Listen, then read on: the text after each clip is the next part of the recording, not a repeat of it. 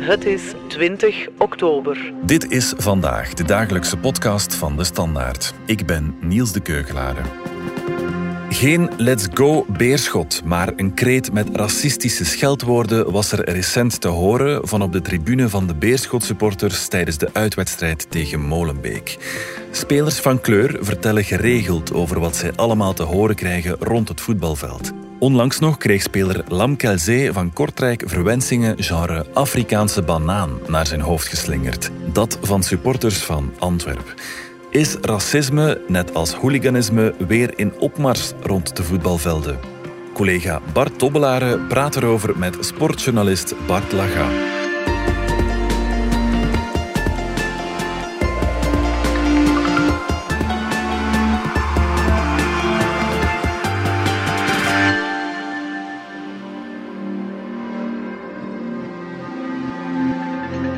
Bart, welkom. Jij volgt al jaren voetbal in ons land en ik ben nu wel een paar jaartjes ouder dan jij, dus toen ik eind jaren 70 voor het eerst naar voetbalmatchen ging kijken, deed er misschien één speler mee met een donkere huidskleur. En ja, die kreeg dan wel heel vaak vernederende oe oe oe kreten naar het hoofd geslingerd. Maar nu, nu zie je in haast elk team wel spelers met Afrikaanse roots en toch, toch blijft dat racisme dan. Ja, dat is blijkbaar nu weg te krijgen, ondanks alle campagnes die er dus al jaren. Uh, want ik ben inderdaad enkele jaartjes jonger en uh, ik herinner mij mijn eerste voetbalmatch ook de oe maar ik herinner mij ook al de campagnes tegen racisme, ook bij de UEFA. Ja, ja, ja. Um, brengt voor elke Champions League match daar heel duur betaalde filmpjes ja, over. De stadionomroeper moet het ook nog eens zeggen. De stadionomroeper moet het zeggen. Uh, er wordt geknield voor wedstrijden, er wordt op alle mogelijke manieren worden mensen gesensibiliseerd voor dat thema. En toch is het niet weg te krijgen. En, ja, en, en je kan misschien zelfs zeggen, is het ja, weer wat aan het verergeren.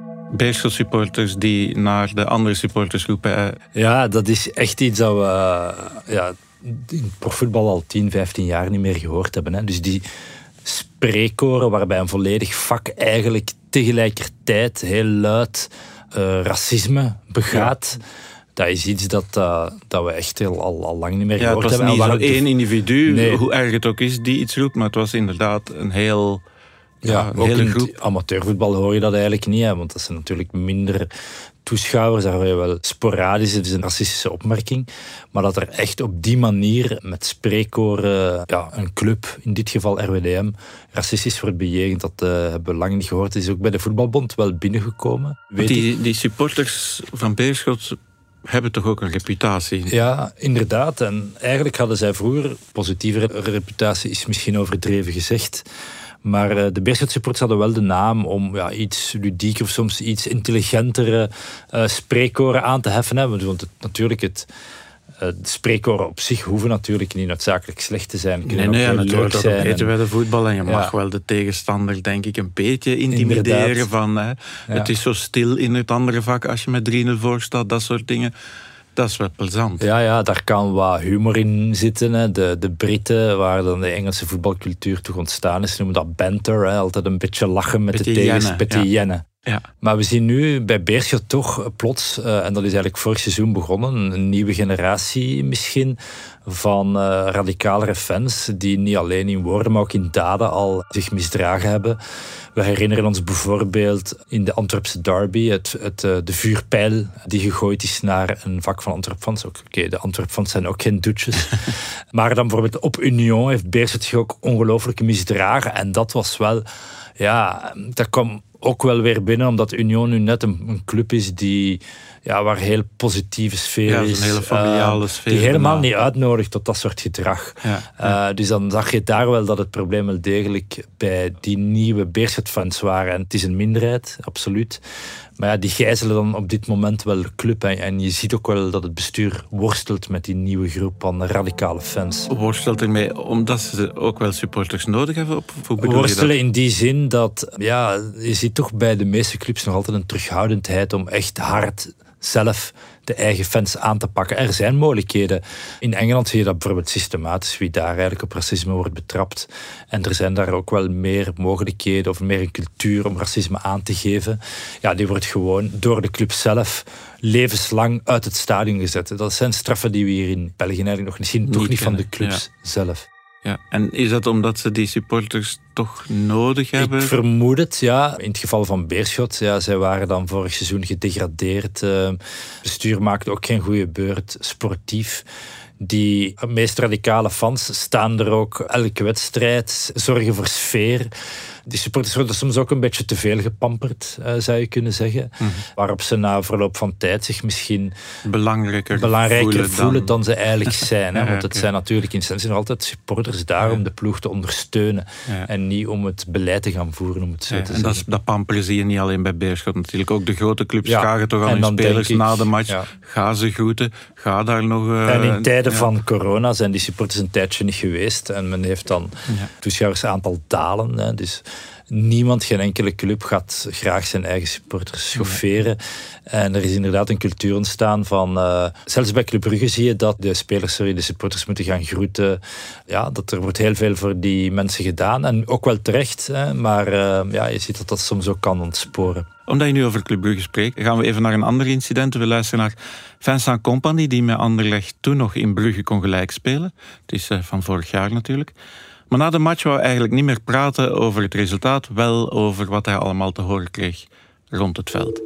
Ik, ik, ga sowieso naar huis uh, en, en teleurgesteld. Uh, ik bedoel, um, ik ga het ook heel kort houden met, met mijn staf, spelers en mezelf. We zijn uh, de hele wedstrijd lang uitgescholden geweest, bruine aap en wat dan ook. En, en ja, dat zijn dingen... Um, ja, ik, ik heb het er moeilijk mee. Ik weet dat er iets uh, ludiek mag verteld worden en zo. Maar we zijn hier met een heleboel mensen die, die heel veel gegeven hebben voor, voor dit land. En, um, en die, die hier gewoon komen voor voetbal te spelen en, en mensen nog iets te geven. En, um, en ja, dus voor mij is de wedstrijd nu onbelangrijk en uh, ik ervaar het totaal anders.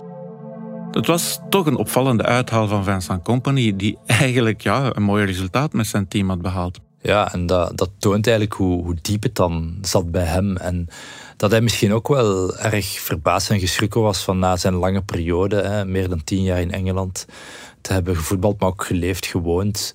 Um, om dat nu in België terug te moeten meemaken, zegt misschien wel iets over onze voetbalcultuur. Company heeft dan voor een momentum opnieuw gezorgd in die strijd tegen het racisme. Hij is ook bij de koning langs geweest. Hij heeft mensen opnieuw doen nadenken over van hoe kunnen we dit eigenlijk uh, vermijden. Eh, ik moet ook zeggen dat Club Brugge daar ook wel positief op heeft gereageerd. Dus zij hebben ja, naast hun medewerking verleend aan de politie die dan de daders heeft proberen op te sporen, hebben zij ook een campagne begonnen. Niet met ons, waarin zij QR-codes op stickers op alle zitjes uh, hebben gekleefd en gezegd tegen de sporters: kijk wie gevallen van racisme of discriminatie of wat dan ook hoort, kan dat eigenlijk heel laagdrempelig melden via de smartphone. En dan kom je op een, een contactformulier terecht en kan je anoniem eigenlijk gevallen van uh, racisme signaleren en aangeven in welk vak enzovoort het gebeurd is. Op zich is dat goed geweest. Van de andere kant zie je ook wel dat uiteindelijk hebben ze niemand kunnen identificeren die dat geroepen heeft. Dat is ook niet evident natuurlijk, hè, want er staan wel overal camera's op die tribunes. Ja, maar wie wat roept. Maar ja, geen microfoons, dus dat is echt al technologisch niet zo eenvoudig. Ja, is echt af van ja, eh, de rapportering eigenlijk van mensen daar rond en vooral van een cultuurverandering. En daar zie je toch wel dat het een heel moeilijke eh, oefening blijft. Ja, want, want je spreekt hier terecht over cultuurverandering. En iemand die daar ook al vaak heeft over gesproken is Romelu Lukaku, die het op op een gegeven moment ook zo beu was dat hij zei van nu gaan we stoppen met al die softe campagnes met no to racism. Nee, er moet meer gebeuren dan dat. We can all hold up a sign and say no to racism or whatever, but if there is no action, it doesn't make any sense.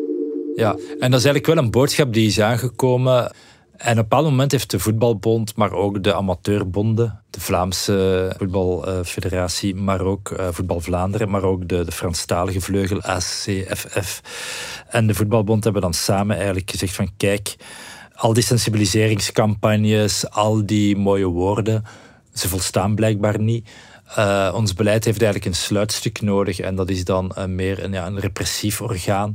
En op dat ogenblik heeft men eigenlijk sinds vorig jaar een kamer binnen de voetbalbond opgericht, de Kamer tegen Discriminatie en Racisme, waarbij dus nu alle gevallen die worden gesignaleerd, gesignaleerd door, clubs, maar ook door scheidsrechters in vele gevallen, heel vaak op basis van het scheidsrechtsverslag, Maar ook een speler uh, die iets gehoord heeft, die dan bijvoorbeeld kan zeggen aan de scheidsrechter. Op die manier komt het in het scheidsrechtersverslag.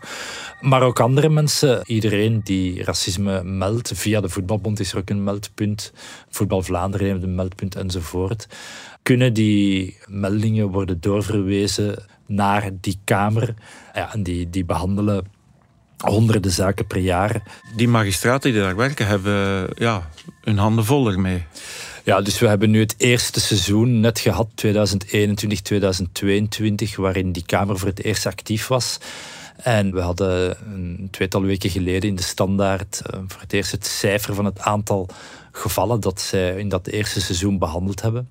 En dan ging het eigenlijk om 141 gevallen in het algemeen wegens discriminatie, waarvan 90 wegens racisme. Ja. Het is een nulmeting natuurlijk. Je kan niet vergelijken met hoeveel het daar dan vorig seizoen was. Maar ja, in absolute aantallen is dat natuurlijk wel veel. Want ja, je moet weten, het gaat natuurlijk om veel wedstrijden, zowel in amateur als in profvoetbal. Maar ja, dus er moeten dus 90 zaken die zijn voorgekomen, waarin dan ook professionele magistraten de zaak onderzoeken, uitspraken doen met advocaten van spelers of van clubs die worden opgeroepen. Dus dat wordt eigenlijk heel serieus opgevolgd. En ja, ik denk dat 90 zaken wegens racisme op één seizoen toch niet, uh, toch niet weinig. Niet weinig, ja. Maar je zegt natuurlijk ook wel, er wordt ontzettend veel gevoetbald in België. Ja, dat zeg ik erbij. Dus het voetbal is de grootste vrije tijdsbeleving in ons land. Het brengt ja, tienduizenden mensen elk weekend op de been. Het gaat om jeugdwedstrijden, het gaat om amateurwedstrijden en een klein percentage ook om profwedstrijden natuurlijk. Maar ja, het wijst er toch wel op dat als je gaat de grasduinen in de beslissingen van die Kamer die openbaar zijn, ja, dan zie je dat het echt overal zit in elke provincie. We gaan er even uit voor reclame. Ja, ik zou zeggen, pak je agenda erbij. Zet die open op zaterdag. En schrijf dan op nieuwe aflevering van onze cultuurpodcast Radar. En je denkt nu, ah, waarom zou ik dan wel moeten luisteren? Wel, het zal gaan over de nieuwe briljante reeks op VRT Max en op 1 Roomies. Valerie Droeven, onze mederedactrice, heeft die serie vijf sterren gegeven. Nu, onder ons gezegd in Zwegen, dat doet ze echt wel niet vaak. En ik snap ook waarom, want ik heb net alle afleveringen zelf ook gebinged. En ik zou willen dat er nu al een vervolg van bestaat. Zo goed is het. Daar gaan we het zaterdag over hebben en over waarom queer representatie zo belangrijk is op Vlaamse televisie en hoe Roomies er potverdikke goed in geslaagd is. Zaterdag, heb je het al staan in je agenda? Radar. Tot dan, hè.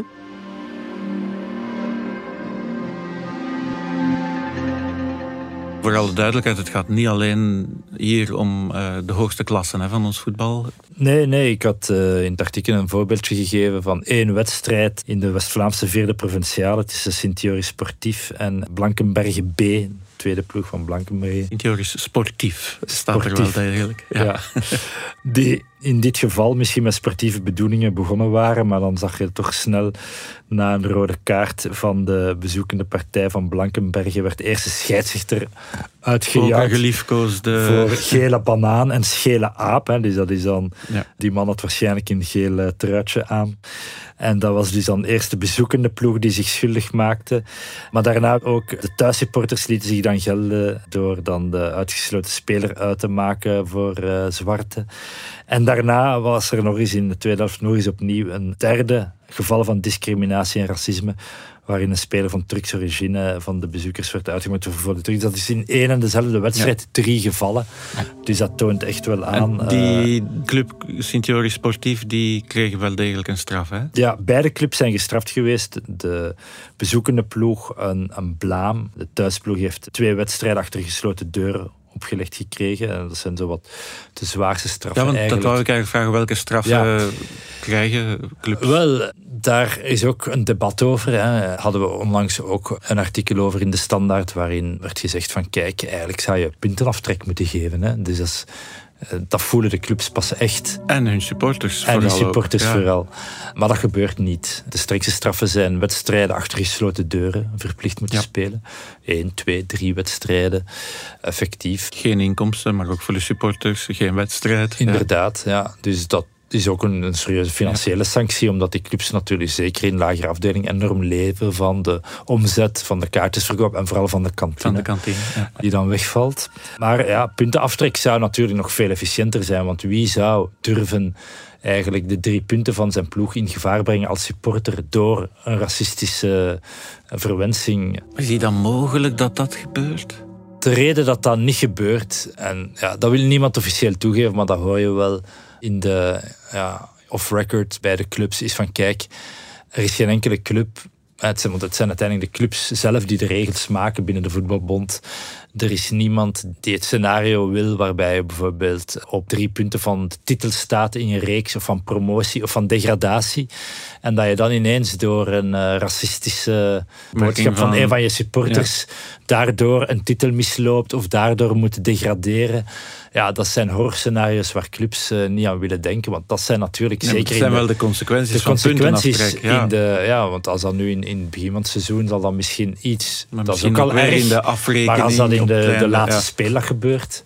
Plus alle misbruiken die er dan zouden kunnen zijn. Hè. Je zou je kan kunnen inbeelden. Dat is toch wat die clubs zich inbeelden. Dat er dan bij de bezoekers van de tegenpartij mollen zitten. Die Ja. enzovoort. Maar dat is ver gezocht. Maar dat is wel het gevoel dat leeft bij de clubs. Waarom ze dat liever niet willen. En zij denken het dus te kunnen oplossen met die wedstrijden achter gesloten deuren. En ook met boetes. eh, die staan er ook op. Want vaak kennen de clubs toch hun supporters en de supporters die zich bezondigen.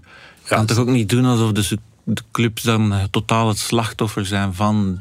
Nee, zeker niet. En zeker in lagere afdelingen natuurlijk. Ja, weet eh, iedereen altijd om wie het ja, gaat. Wie, ja. In profvoetbal is dat minder het geval. Daar zie je ook wel dat de clubs vaak de houding aannemen van kijk, wij worden hier gegijzeld door een heel klein aantal van onze supporters. Maar daar zegt de voetbalbond nee, een club is altijd objectief aansprakelijk voor wat er gebeurt binnen zijn supportersvakken. Er zijn al pogingen geweest, of pleidooien geweest van bepaalde clubs, bijvoorbeeld binnen de Pro League, om af te geraken van die objectieve aansprakelijkheid. Maar zeker het bondsparket, de voetbalbond houdt daar heel erg aan vast. En terecht, want ja, beeld je maar eens in dat die objectieve aansprakelijkheid zou verdwijnen. Dan, dan staat natuurlijk de deur open, dan is er eigenlijk geen enkele hefboom meer. Nu kan je de supporters nog een beetje sensibiliseren, maar je club wordt gestraft. Mhm, ja. Ja, anders gaat dat toch al veel minder zijn. Het blijft mij fascineren dat, eh, ik zal het met een ander voorbeeld geven, hè, dat als in elke voetbalploeg jongens rondlopen met blond haar, dat dan toch de supporters van een bepaalde ploeg beginnen te schelden op eh, vuile blonde. Ik wil maar zeggen, elke ploeg heeft nu mensen met een donkere huidskleur. Wat bezielt supporters dan om daarop te gaan roepen en, en gillen? Dat, dat zegt toch iets over, ja, Ja, ik denk dat die clubkleuren nog altijd ehm, ja, bepalender zijn dan de huidskleuren van de spelers. Want ja, het meest ironische is dat die ploegen zelf dan ook nog vaak een zwarte speler Ja, in de rang hebben, Ja. terwijl ze een zwarte speler van de tegenpartij. Eh, ja, het gaan. is gewoon een eh, het is slachtoffers zoeken, gemakkelijke slachtoffers zoeken. En denken dat in een voetbalstadion eh, bepaald gedrag wel kan, eh, wat in de maatschappij niet toegelaten is. Wat natuurlijk uiteraard totaal niet het geval is. Maar een voetbalstadion blijft een soort arena van verhevigde emoties. ja een zeer hard wij tegen zij gevoel. En een wij Ja. tegen zij gevoel. En het is net ja, die gevoelens die echt wat worden beleefd en worden gebotvierd. En dat tot ontsporingen kan leiden. Ja. Denk je dat het racisme, want je zei daarnet ook wel, er is geen nulmeting. Het is moeilijk om te zeggen dat het, dat het nu weer meer is dan een tijd terug. Wat is jouw gevoel daarom? Wat ik in het begin zei van wat we gehoord hebben op RWD en Beerschot, dat, Ja, is, dat heb dat ik een heel vak. heel lang niet meer gehoord in het Belgisch voetbal.